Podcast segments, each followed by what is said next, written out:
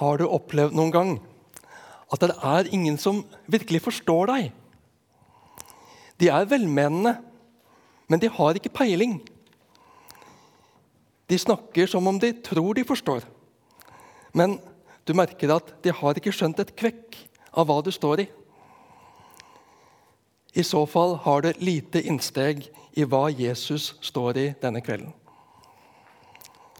De har akkurat sunget lovsang, men Jesus har det vondt.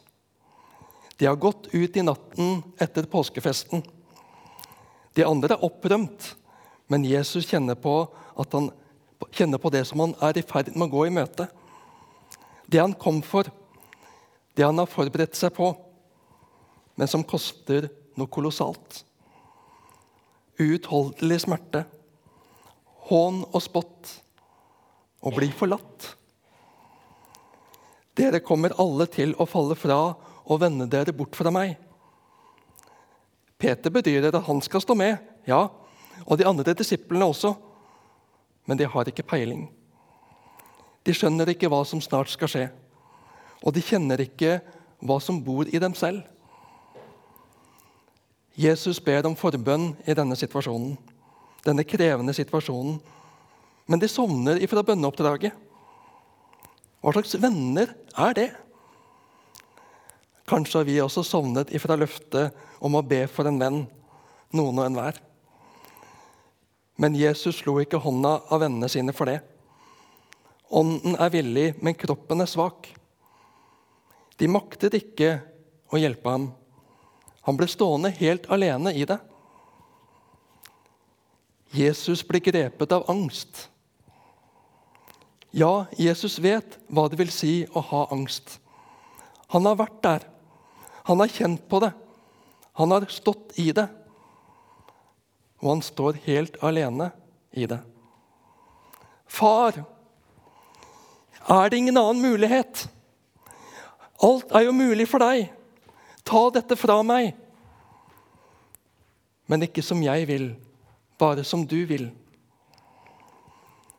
Han går til vennene for å få støtte, bare for å finne dem sovende.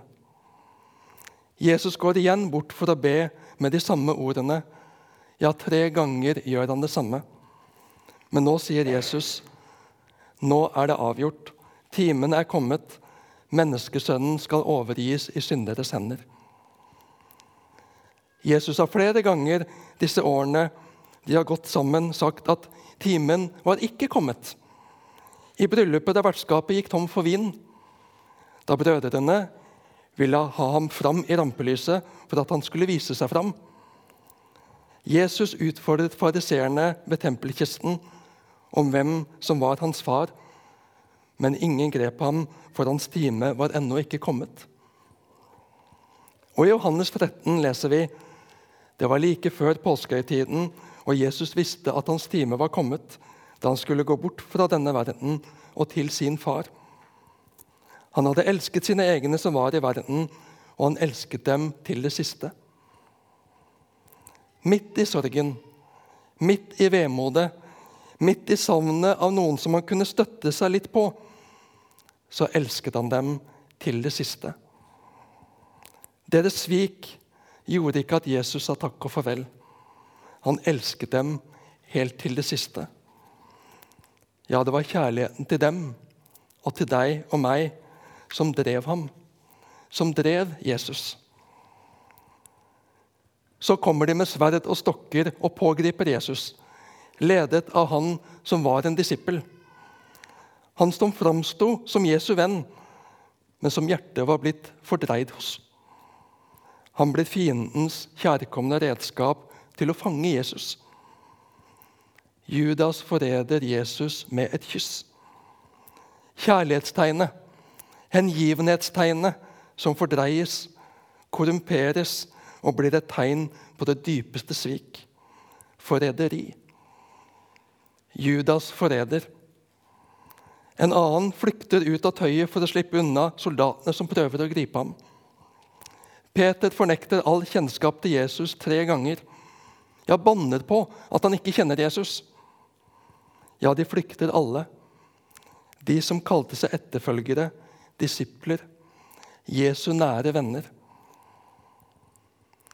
Det blir en farse av en rettssak.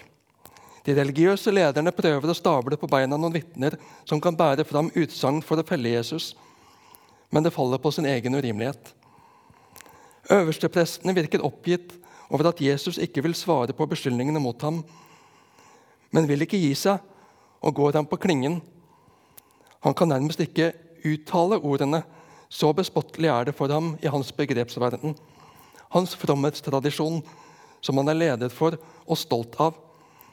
Er du Messias, sønn av den velsignede? Og Jesus flikker ikke på ordbruken for å gjøre øvrigheten mer tilfreds. Han går verken inn med diplomatiske forsøk eller religionsdialog. Jesus har før valgt ord og bilder ut fra folks virkelighet for at de skal forstå hans budskap. Og det er det avgjørende også nå så får det heller støte fra seg de som ikke vil se, ikke vil tro. Derfor er jeg kommet til verden. Gud ble menneske for å frelse det som var fortapt. De som ville la seg frelse. Jesus svarte, 'Jeg er det.' Og dere skal se menneskesønnen sitte ved kraftens høyre hånd og komme med himmelens skyer. Da fleiret øverstepresten kappen sin og sa, 'Hva skal vi nå med vitner?' 'Dere har hørt gudsbespottelsen. Hva mener dere?' Alle fant ham skyldig til å dø. De kunne ikke tro at han var Gud. Det gikk ikke opp med deres gudsbilde. Da måtte de tenke radikalt nytt om så mye. De holdt heller fast på det de kjente, men ved det snudde de ryggen til Gud. Like fullt ble de redskap i Guds forunderlige frelsesplan. Også hedninger ble redskaper i Guds nådige frelsesplan. Pilatus, som var romersk embetsmann som styrte provinsen Judea fra år 26 til 36 etter Kristus. Han tilba sine romerske guder. Han var satt til å styre og holde ro og orden i sitt område forhindre opprør mot keiseren, prøve å gjøre folk til laks og beholde sin posisjon.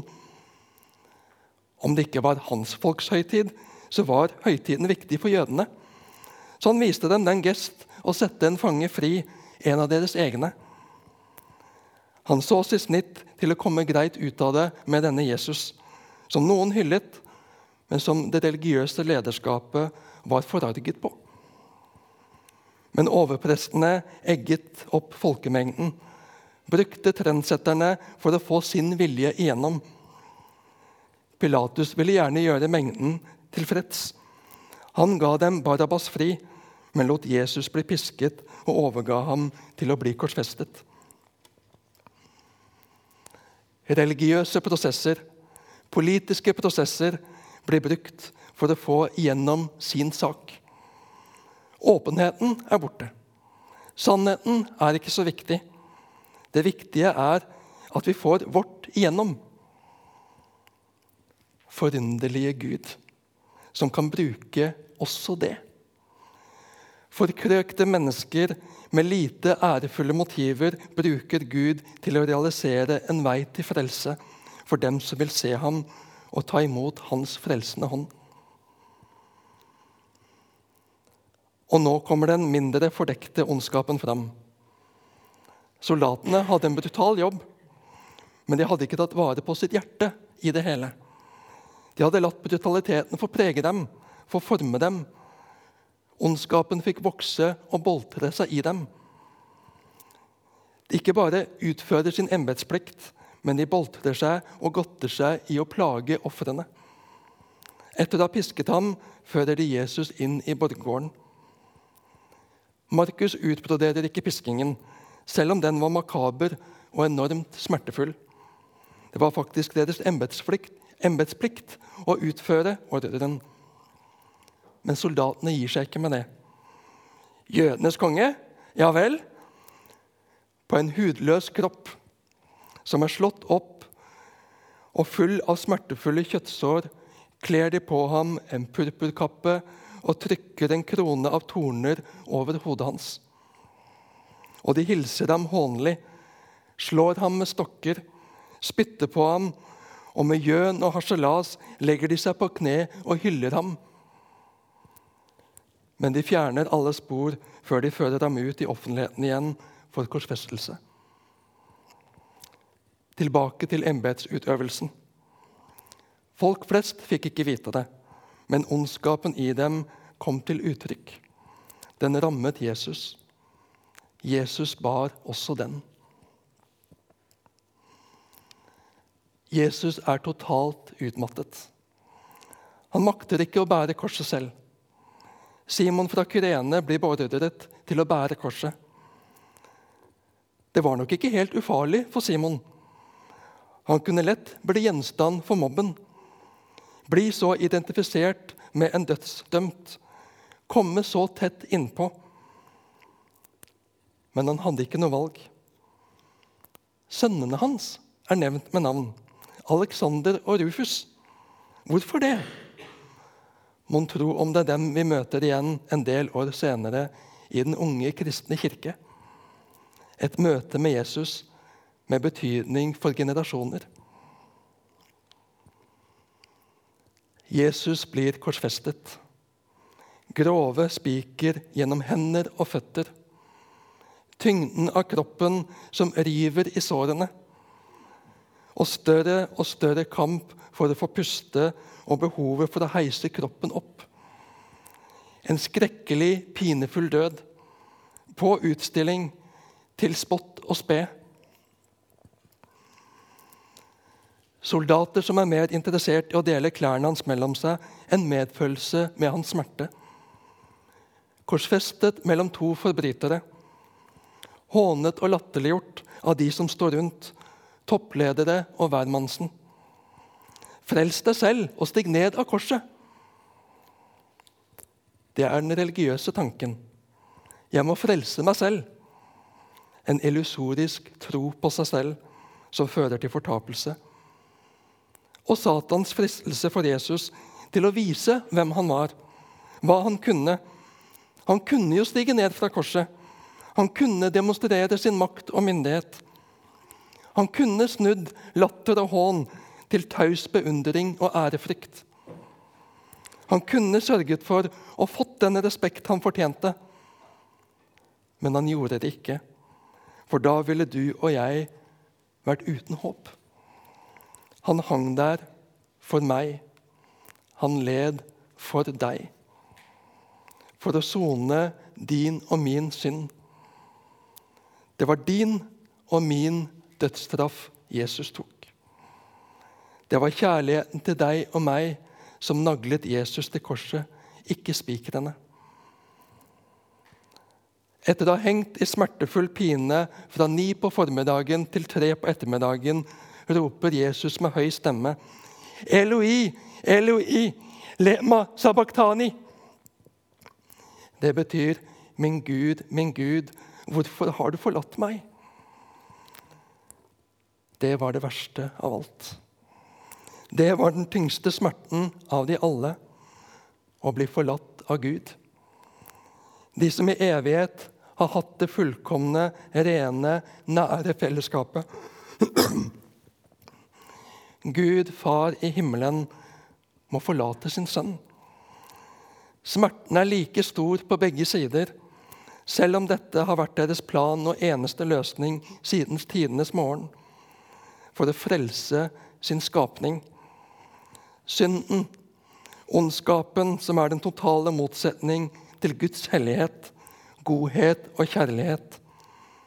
Jesus, Guds sønn, bærer den. Soner den, gjør opp for den, utsletter den. Han drar ned i dødsriket med den. Men folk står rundt i sin uforstand og higer etter sensasjoner og mirakler.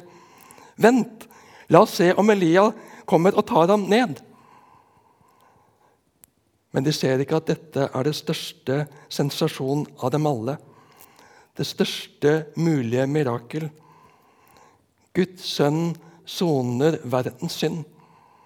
Gud selv tar hånd om det. Det som vi tok inn i verden, som brakte oss på uoverstigelig avstand ifra ham. Så dyp en kjærlighet.